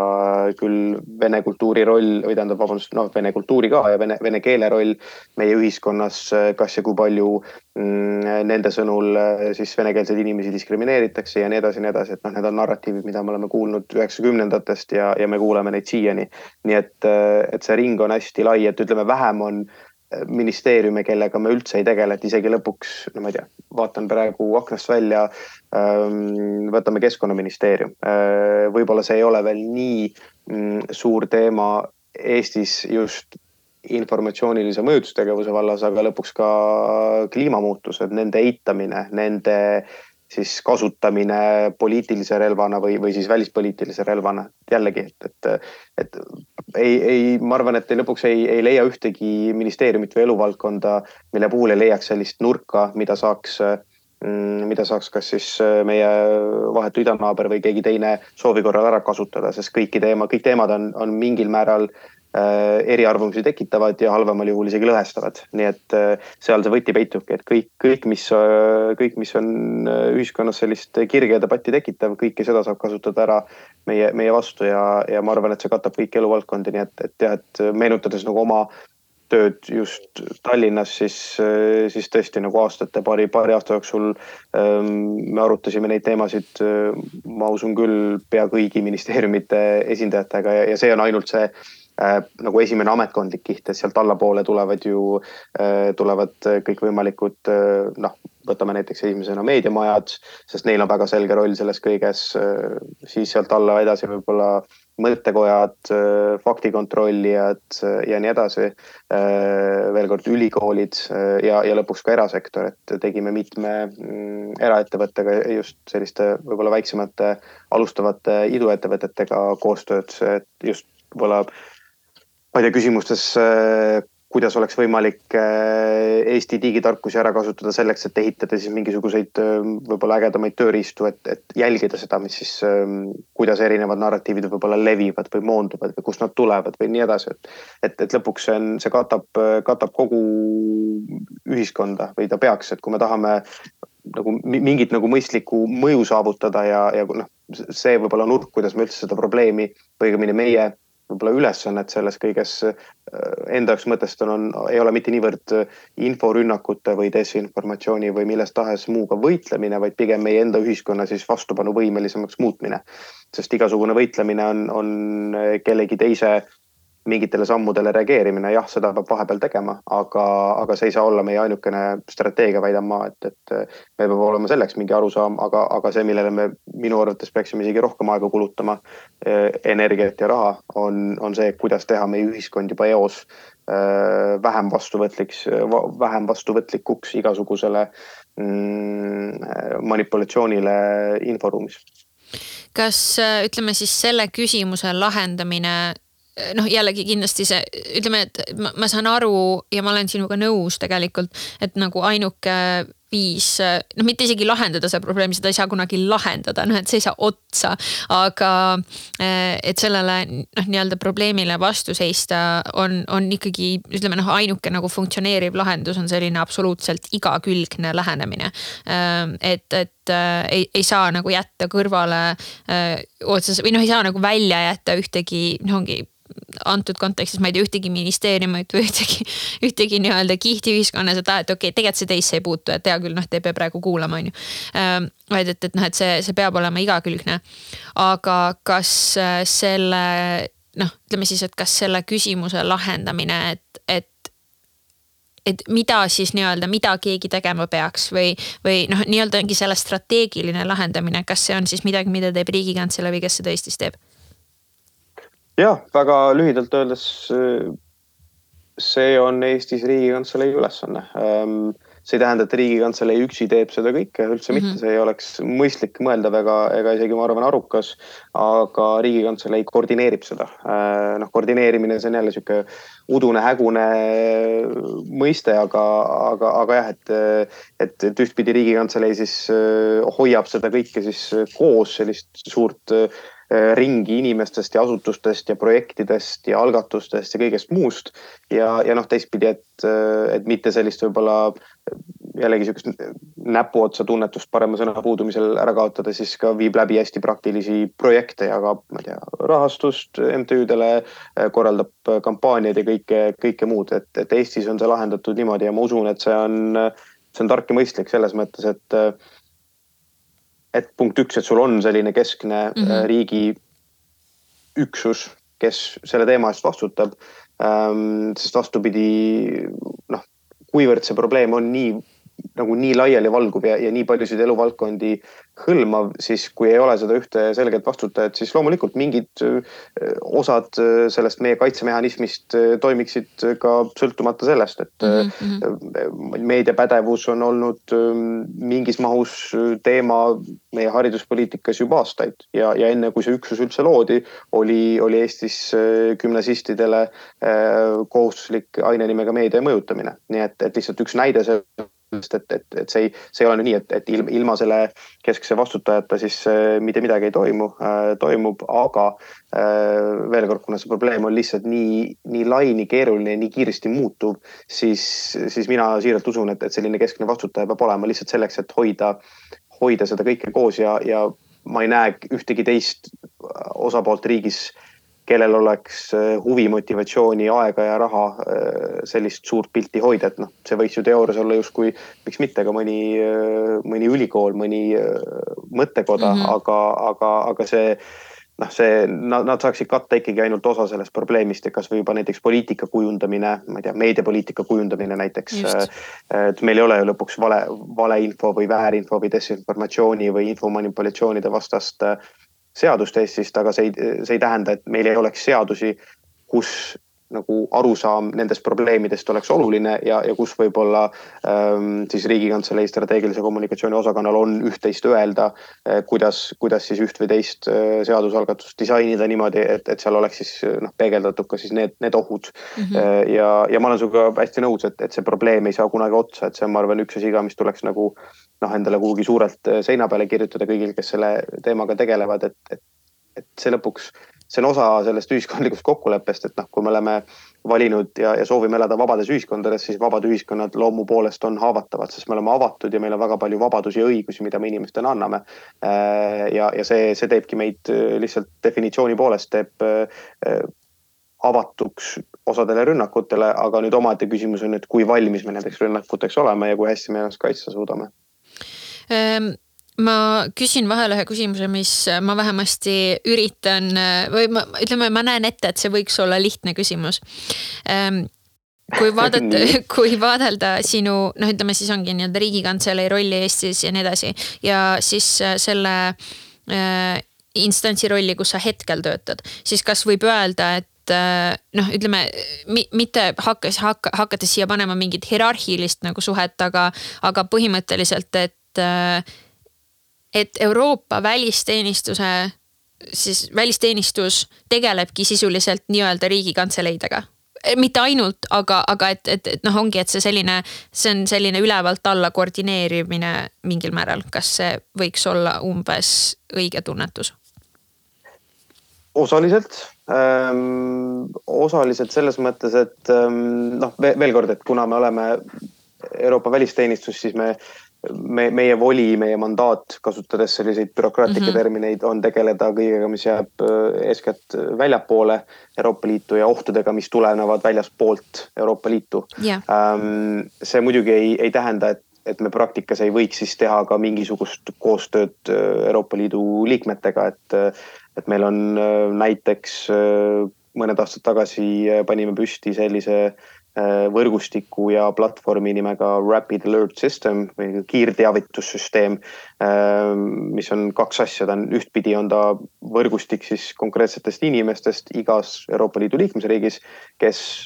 tegelevad selle küsimusega mingi nurga alt, et eri riikides on need eriasutused, need võivad olla riigikantseleid, need võivad olla, paljudel puhkudel on need välisministeeriumid mm, -hmm. need võivad olla, osadel on selleks, ma ei tea, mõni kriisiasutus või siseministeerium ja nii edasi, et see ei mm -hmm. ole isegi võib-olla nii nii oluline meie vaatust, äh, meie, meie vaatest. Ja, ja teistpidi see Rapid Alert System on siis äh, veebiplatvorm, selline turvaline suletud veebiplatvorm, kus siis needsamad ähm, selle võrgustiku liikmed, kes on siis jah, kõik riigiametnikud üle Euroopa Liidu, äh, saavad ja, ja jagavadki siis ähm, küll, ma ei tea, küll mingeid seireraporteid, küll mingisuguseid tähelepanekuid äh, nende riigis toimuvast, ümberringi toimuvast, küll küsivad küsimusi äh,. et kuulge, et äh, ma ei tea, lähenemas on see, see tähtpäev, ma ei tea teise maailmasõja lõpu kuupäev, et, et me vaatame, et siin, et, et Venemaa mobiliseerib mingisuguseid, mingisuguseid jõude või, või me näeme, et nad kuidagi siis tugevamalt lükkavad mingisuguseid narratiive, et ma ei tea, kas te näete ka midagi selle ümber mm -hmm. ja nii edasi, nii et, et selles mõttes nii palju me tegeleme liikmesriikidega sissepoole, aga, aga eeskätt siis Äh, kõik, mis puudutab siis Euroopa Liidu sisest koordinatsiooni, sellega tegeleb Euroopa Komisjon, et mm -hmm. neil küll sellist suurt meielaadset äh, divisjoni ei ole, aga neil on siis eri, erikomisjoni osades on siis ähm, hulk selliseid natuke väiksemaid üksusi, kes siis tegelevad ühe või teise aspektiga äh, sellest probleemist, et mm, -hmm. et jah, ma jätaks võib-olla selle, selle siiapaika, et muidu mul on äh, nendele küsimustele vastates on äh, hästi lihtne kukkuda jälle sellisesse äh, kahekümne minutisse vastusesse, aga ma ei taha seda, ma ei taha seda praegu teha, et pigem hoiame sellise voolava aruteluna. just ja tegelikult äh, seis ongi selline, et me oleme praeguseks rääkinud äh, tund ja üksteist minutit. Äh, ehk siis ma üritan selle kokku tõmmata viimase küsimusega meie arutelu. küll mhm. aga selles mõttes jah, et see on suhteliselt sihuke, see on ka selline küsimus, millele vastates saab. noh, meil on väga palju rääkida, tegelikult see teema on nii kompleksne on ju ja see on väga lai. nii et me saaks, ma arvan, teha siit julgelt terve hooaja jagu nagu saateid erinevatest aspektidest, aga püüdes nagu kuidagi jah, kokku tuua seda kõike, siis no ongi, kui sa võtad oma teadmised sellest, mida, mida riigikantselei het-, ütleme noh, mis tasemel hetkel riigikantselei nii-öelda võitleb siis selle relvaga, mis on informatsioon. ja teisest küljest noh, ka eks ju sinu praegune noh, tööandja et millisest tasemest tema võitleb selle relvaga, mis on informatsioon, siis äh, kas sa oskad välja tuua noh, kummagi kohta noh, näiteks ühe aspekti, mis sa tunned, et millega on, on nagu hetkel hästi. asi on, on nii-öelda noh, okeis seisus ja midagi, mille puhul sa näed, et tegelikult see vajaks väga palju rohkem tähelepanu. Hmm.. Äh, ma proovin. Ähm,, ma alustan võib-olla siis äh Eestist, et see on mhm. lõpuks ju koduriik ja tuttavam, et äh, ma arvan, et Eesti hästi tugev eelis äh, väga paljude teiste riikide ees on, on väga adekvaatne ohutaju. me saame aru, kui suur see oht, milline see oht on, kust see oht pärineb, miks see on oht ja nii edasi, me ei pea kulutama siseriiklikult energiat vaidlemaks mis iganes tasemel, olgu poliitilisel, olgu ametkondlikul töötasemel, et, et me tegelikult ka päriselt peaks tegema mm, -hmm. tegelema Vene suunast tuleva ohuga, see on ja see on nii olnud aastaid. et see on väga-väga suur eelis, me kuidagi võtame seda võib-olla enesestmõistetavana, aga mida kaugemale Eestist minna, seda vähem enesestmõistetav see on ja siiamaani on riike kus ei ole nii eh, kristalselt selge. loomulikult kahekümne neljas veebruar eh, kaks tuhat kakskümmend kaks tõi seda selgust majja väga palju. lihtsalt noh, tahaks loota, et, et see, see ei pidanuks see hind nii suur olema ähm,. ja samas, eks ju, päris palju ka tõi välja seda või noh, siiamaani toob välja seda, et millistes riikides on siis nii-öelda probleem sellega, et nad ei saagi, noh, nad nagu päris täpselt mhm. tegelikult mm -hmm. ei saagi aru, et oot, aga noh, et äkki nad ikka nii hullud mm -hmm. ei ole, on ju Mhm, mis jah, noh, meie jaoks ongi nagu, et kas sa teed nalja aga vabandust, jätka, ma segasin vahele. ei, ei, ei, ei täiesti, täiesti nõus, et, et jah, täpselt nii see on, et, et isegi pärast seda kõike, äh, mis on, mis on meie silme all kahjuks lahti rullunud alates kahekümne neljandast veebruarist või noh, mida Venemaa on teinud mm, -hmm. tahtmata kuidagi üld, üldsõnaliseks jääda, sest siin ja. on väga selgelt agressor pool ja, ja siis äh, ohvrid et, et on, on hämmastav jah, kuidas isegi sellest ei, ei piisa täielikult, et, et osade jaoks see, see olukord kuidagi nagu mustvalgelt äh, klaariks teha. Um, milles Eesti on võib-olla veel natukene taga, raske öelda, et ütleme, et la, laias plaanis, kui me vaatame Euroopa Liitu, aga miks mitte ka Ameerika Ühendriike või, või Ühendkuningriike, kes nüüd siis eelist väljapoole jäävad, kui mm -hmm. on ikka jätkuvalt natuke kummaline mõelda, aga äh, siis me, me oleme ikkagi üsna, üsna eesrinnas, et, et väljaspoolt vaadatakse ikkagi Eestit ja, ja laiemalt Baltikumi ja osati ka kogu Skandinaaviat või Põhjalat vaadatakse ikkagi nagu väga selgelt äh, eeskujudena mm, -hmm. et äh, et meie maine selles vallas on äh, rahvusvaheliselt väga-väga hea. Äh, me võime koputada ükskõik mis suurriigi äh, valitsuste uksele ja, ja küsida kohtumisi sel teemal ja mul ei ole küll isiklikult ühtegi olukorda olla, kus meid oleks ukse taha jäetud, sest, sest noh, see näitabki, kui väga usutakse, et, et meil on, mida öelda, meil on, mida jagada. aga see ei tähenda loomulikult, et meil on kõik, kõik ideaalne, et noh, ma ei tea, siin on kasvõi võtame kasvõi meediapädevuse edendamise, et, et mm, -hmm. et mhm. jah, meil on, meil on mitu head asja paigas, meil on kohustuslik aine mm, eestikeelsetele gümnasistidele, aga hetkel kahjuks mitte venekeelsetele. muidugi omaette teema on, et, et noh, kui ruttu me jõuame lõpuks eestikeelsesse haridussüsteemi, nii et ma seal võib-olla pikemalt ei peatu, nii et ma võib-olla see ei olegi nagu väga mõistlik investeering, et pigem peaks sellele eh, haridusruumi keelemuutusele keskenduma. ja noh, integratsioonipoliitika on jah juba, see on, see on ka juba. jätame selle nagu jah, kuskil kümnendaks saateks järgmises hooajas, et eh, aga,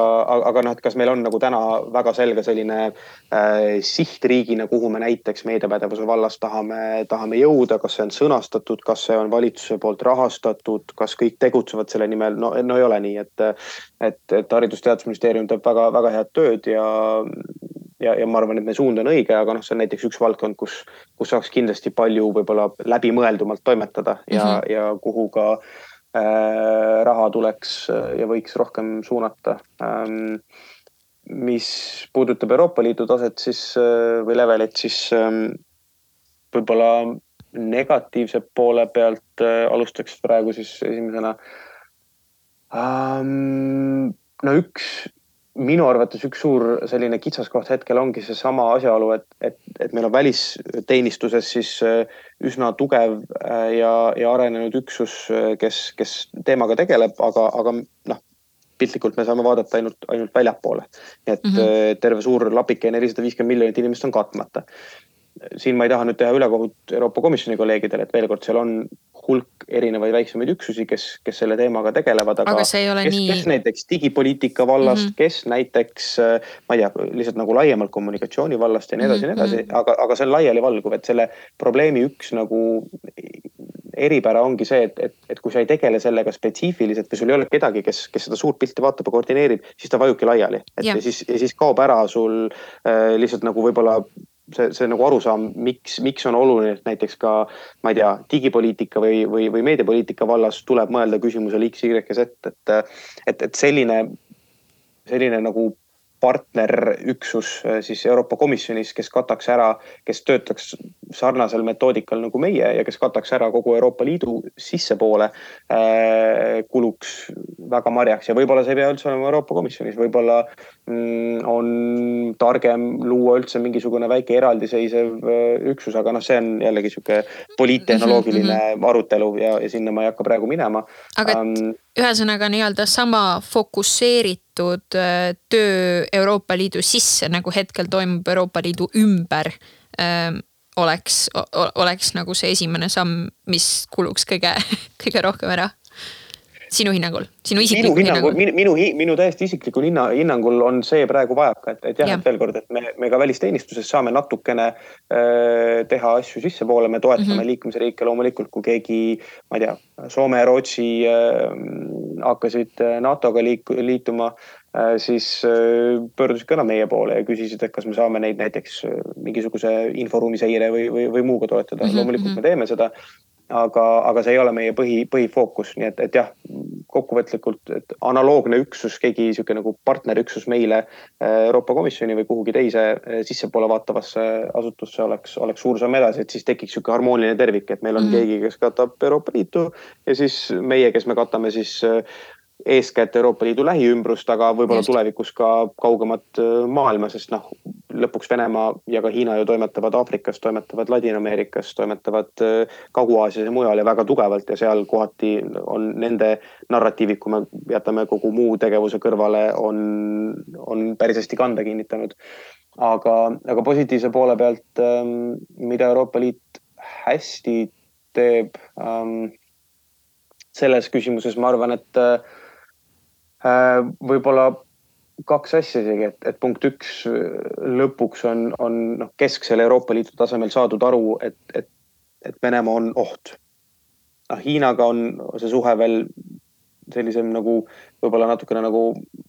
jah, ambivalentsem ja, ja eks ta jääbki selliseks, sest kui, kui, kui Vene suunalt tõesti nagu hetkel äh, mida, midagi positiivset ei, ei tule, äh, võib-olla natuke karmilt ja robustselt öeldes, siis, siis Hiinaga see suhe on, on, on, on teistsugune, et, et ja see pilt mm -hmm. peabki olema nüansseeritum, siis üsna ruttu on lõpuks Euroopa Liit jõudnud aru saada, et, et, et Venemaa on, on, on peamine oht, millega tegutseda. Ja see meile jällegi Eestis tundub see, no kuulge, sõbrad, et kuidas siis nii, et see on ju, see on ju siililegi selge. see on vana, vana uudis. miks me üldse räägime sellest, et, et no tõesti, aga, aga jällegi, kui me räägime kahekümne seitsme riigi äh, siis nagu ühisest arusaamast, siis äh,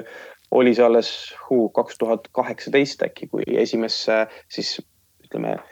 desinformatsiooni või infomanipulatsioonide valdkonna siis sellisesse avaliku poliitika paberisse kirjutati, kirjutati sisse Venemaa peamise ohuna ja, ja seal oli see suur, suur arutelu, et, et kas riikide vahel, et, et, et kas me ikka saame ja julgeme nii öelda või mitte, et noh. täna me oleme muidugi õnneks väga-väga teises kohas ja, ja teiseks äh, on Euroopa Liit äh, näidanud, ma arvan, oma võimekust tegutseda kiiresti, kui seda vaja on, nii võib-olla üldisemalt jättes korraks äh, Vene sõja Ukrainas kõrvale et, et noh, kui, kui kaks tuhat kaheksateist äh, käisid arutelud selle üle, kas me saame Venemaad nimetada suurimaks ohuks, äh, siis noh, täna on meil noh, terve, terve divisjon, meil on äh, terve hulk äh, erinevaid äh, poliitilisi algatusi, küll seadusandlikke, küll, küll mitte, kus on meie sõrmehääled heas mõttes peal, kuhu me oleme saanud siis oma, oma mõtlemise nagu sisse pookida. Ähm, küll on meil jah, terve, terve hulk projekte, algatusi, kampaaniaid ja nii edasi ja nii edasi ja nii edasi, mida, mida me siis ähm, Brüsselis koordineerituna teeme, et, et noh mõne loetud aastaga on jõutud noh, peaaegu et nullist, ma ei ütle sajani, aga ikkagi kuhugi sinna keskele. Ähm, ja, ja teine asi jah, ka ma arvan, Ukraina sõja kontekstis noh, näiteks kasvõi RT Sputniku ja, ja kolme kolme Vene telekanali siis sanktsioneerimise teemal, tänaseks siis viis Vene propagandakanalit Euroopa Liidus teadupoolest on, on keelatud vähemalt sõja lõpuni, äh, siis noh, see on miski, mis oleks minult keegi küsinud seda kahekümne kolmandal veebruaril, ma oleks öelnud, et välistatud. ma ei, ma ei näinud seda isiklikult äh, silmapiirilgi üldse võimalusena ja mm -hmm. läksid loetud päevad mööda ja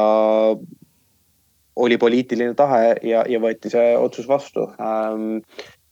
ja mis jällegi näitab, et, et kui milline jõud tegelikult Euroopa Liit on, et, et me küll, küll teda on lihtne võib-olla kuidagi siunata või, või kiruda ja, ja tögada ja kõike muud, aga, aga jah, need äh, aastake nüüd peaaegu, mis ma olen Brüsselis veetnud, on mind kindlasti äh, veelgi suuremaks selliseks euro, eurofiiliks teinud. Äh, sest noh, ma näen lähedalt, kui äh, kui võimas äh, jõud Euroopa Liit tegelikult on ja, ja kui vähegi on selline selgus või moraalne selgus paigas, mida me tegema peame, siis, siis nagu see kiirus ja jõud, millega Euroopa Liit suudab asju korda saata, on, on minu arust vägev. et, et lihtsalt võib-olla ja jällegi, et me, ma, ma, ma tahaks loota, et meil ei, meil ei ole vaja mm,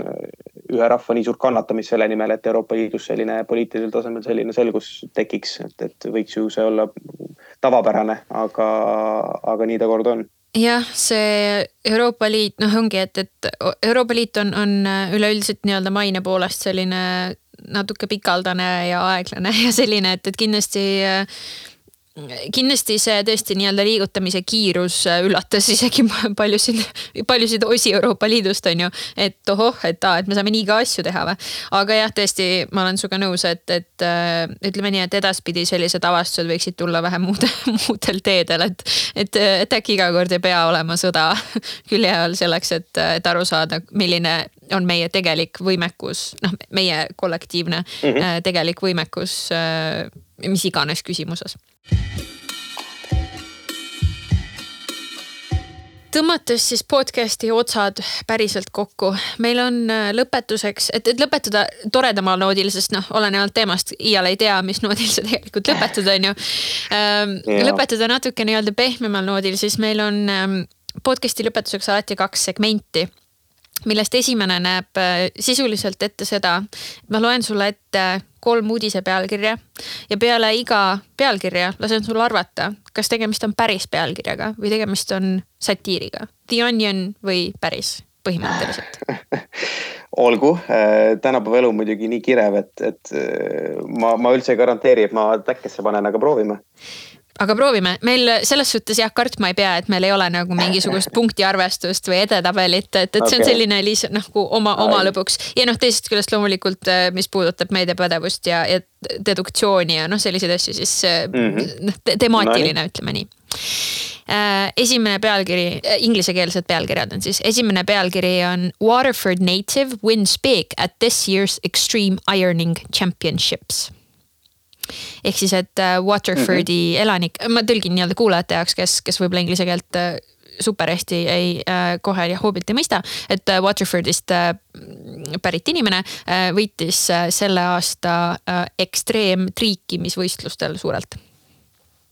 Hmm.. kui see oleks lihtsalt triikimisvõistlus, klassikaline spordiala jah, see tavaline see tavaline, siis, siis ma arvaks nagu vist üsna nagu pikema viiteta, et, et, et ju see on päris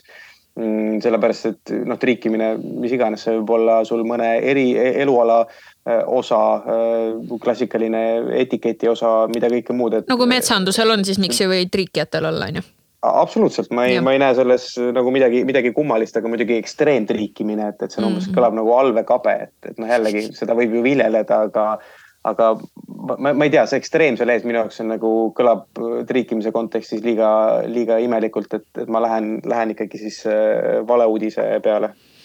Sul on õigus, see on valeuudis, aga kusjuures äh, huvitaval kombel äh, seda ei tee valeks mitte see, et Extreme Ironing Championships ei oleks asi, mis ei oleks toimunud on küll. Ähm, minu äh, uurimuse kohaselt küll vist äh, seni ainult ühel aastal. Mhm. aga, aga sellised meistrivõistlused on täiesti aset leidnud. Äh, ma jah, ei, ei jõudnud kahjuks või ütleme nii, et ma hetkel ei ole süvenenud äh, sellesse lõpuni, et mis sellest ekstreemi teeb. aga mm, -hmm. aga ma igal juhul soovitan kõigil äh, guugeldada, sellepärast et, et vastuseid tuleb ja, ja see on igal juhul põnev teema. aga, aga tollel aastal ei võitnud suurelt keegi, kes oleks olnud Waterfordist, see teeb selle valeks no palun väga, täpselt selline infokild, mida, mida, mida ilma kontrollimata on peaaegu et võimatu, võimatu teada, aga jällegi sihuke hu huvitav intellekti küsimus ja ma, ja ma kindlasti guugeldan, mis asi on ekstreemtriikimine, sest ma iga nädal viiel päeval hommikul vara särki triigin, nii et, et võib-olla ma õpin, õpin midagi kasulikku sealt.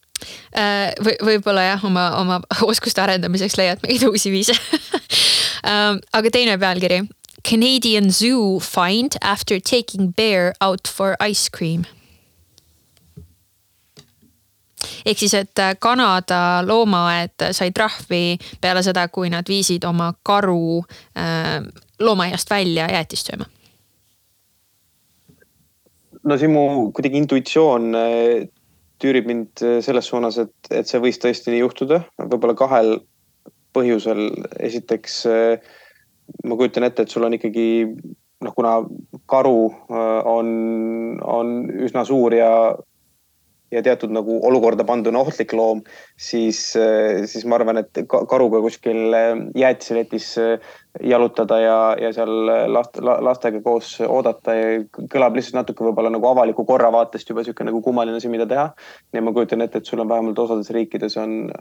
on tõenäoliselt mingid seadusepügalad, mis, mis sul karuga jäätiseletis ootamist keelavad ja, ja teistpidi seal võib taga veel olla, kes teab, mis, et ma ei tea, lõpuks ma ei ole üldse kindel, kuna magus ju loomadele üldiselt kasulik ei ole, et mm -hmm. ma ei tea. koerad, kassid jäätist ja suhkrut ei söö, et, et võib-olla ka karudele suhkur ei ole, ei ole kõik see parem asi, mida eh, sisse sööta, et siis võib-olla mingisugused, eh, kas ma ei tea, loomakaitsjad või kes tahes muu siis eh, pani seda tähele ja, ja sealtkaudu see asi siis hargnes, nii et ühesõnaga lihtsalt, et ava, avada natuke oma mõttekäiku, aga ma, ma arvan, et see võis nii juhtuda küll see on äh, täitsa päris pealkiri ja sul on õigus äh,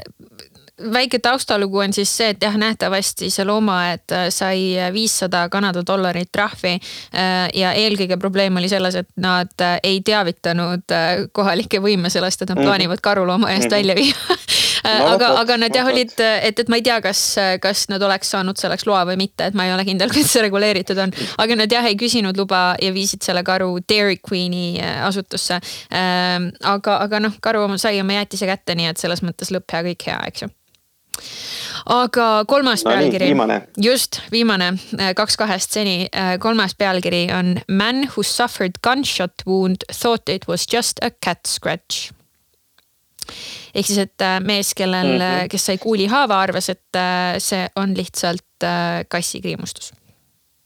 ah,. siin, kui esimese kahega oli mingisugune kõhutunne, siis sellega ei ole üldse kahjuks, ähm, no see võib tõesti, ma, ma võin sama hästi münti praegu heita lihtsalt, et äh, absoluutselt võib, võib nii olla, mulle see meenub sellega seoses kohe, et siduda see kuidagi ära vähemalt ähm, tänase jututeemaga võib-olla siis äh, oli, oli mõned aastad tagasi juhtum, kus üks äh, ajateenija tulistas ennast äh, õlga ja siis kuidas Vene siinne propagandaväljaanne, kas see võis äkki olla Sputnik, kes üritas siis seda spinnida looks, kuidas enam-vähem ähm, ma ei tea, venekeelseid ajateenijaid diskrimineeritakse ja see oli, see oli üleüldse, ma ei tea, mingi põgenemiskatsel saadud haav ja nii edasi-tagasi, et mhm, ühesõnaga mm -hmm. üritasid tõmmata kaitseväe orki sellega, nii et ähm,. aga see oli lihtsalt sihuke vahe, vahelepõige korraks praegu, et noh, mul meenus lihtsalt see äh,. ja siis ajateenija ise lõpuks äh,, miks ma sellest rääkima hakkasin, mida ta siis nagu põhjenduseks tõi, kui siis kaitsevägi küsis, et et, et. miks sa ennast tulistad? siis, siis ta ütles, et ta tahtis lihtsalt lahedat armi saada. nii et ja. Ähm, kas, kas see nüüd Meenub. oli siis äh, kass või, või mitte, et no, no olgu, ma, ma lähen, lähen, lähen selle peale, et, et äkki, äkki, äkki see tõesti juhtus ja äkki selline mees oli ja kass teda siis tema arvates küünistas. jah selline mees oli tõepoolest. Äh, see on just, see on äh, lugu Põhja-Indiast ja, ja äh, noh, see lühike taust, mis ma selle kohta leidsin jällegi kindlasti guugeldades leiab rohkem, keda huvitab. Ähm, et, et see oli lühidalt selline, et meesterahvas magas ja, ja läbi une arvas, et, et see, mis temaga juhtus, et ilmselt ta kass lihtsalt kuidagi üritab teda üles ajada või midagi sellist. ja magas edasi, aga, aga jah, et kui ta ärkas, siis ta siiski sai aru, et ta vist, vist mitte. aga jah, et, et tuleb välja, et, et see, seda võimud täiesti vaatlesid mõrvakatsena, mida temaga tehti, et. et kas see oli kogemata või meel-, kas teda tulistati kogemata või meelega, seda ma kahjuks ei oska praegult öelda, aga, aga jah, kolm kolmest, väga tubli ja et, et tõmmata siis noh, otsad niimoodi kenasti kokku ja taas, et mitte minna liiga tõsiseks, siis äh, meie viimane segment on, äh, on sisuliselt natuke nagu tänutäheks meie külalistele, et, et äh, mõistagi te pühendate kõik oma aega selleks, et, et me saaksime avalikkust harida meedia ja kommunikatsiooni ja erinevate selliste seotud teemade keerdkäikudest. ja, ja tänutäheks me noh, kuidagi niimoodi ülikooli podcast'ile sobivalt äh, oleme otsustanud kinkida teavet ähm,. kuna sinu sünnipäev on?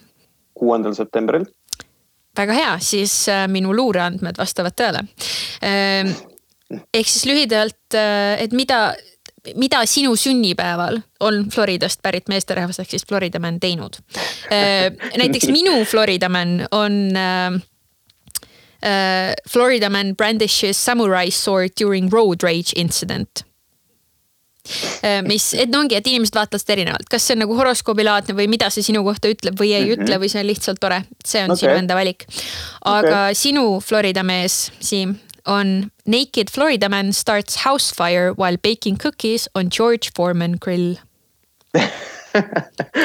mul on nii mitu küsimust, aga, aga ma jätan need sõbra Google'i jaoks pärast. jah, et äh, aga, aga mis on George Foreman grill juhuslikult, kui teised ei tea, siis see on see põhimõtteliselt see selline äh, mitte päris võileivagrill, see natuke suurem versioon äh,, umbes nagu paniini grillilaadne mingisugune selline kaasaskantav äh, seadeldis oh.. Ähm, et jah, me, me ei, me ei pea üldse hakkama pikemalt mõtlema, et mida see, mida see sinu kohta nüüd ütleb või ei ütle, aga, aga nüüd sa tead ja ma loodan, et. mul hakkas, film hakkas igatahes silme ees jooksma, nii et aitäh selle eest. võta heaks, võta heaks.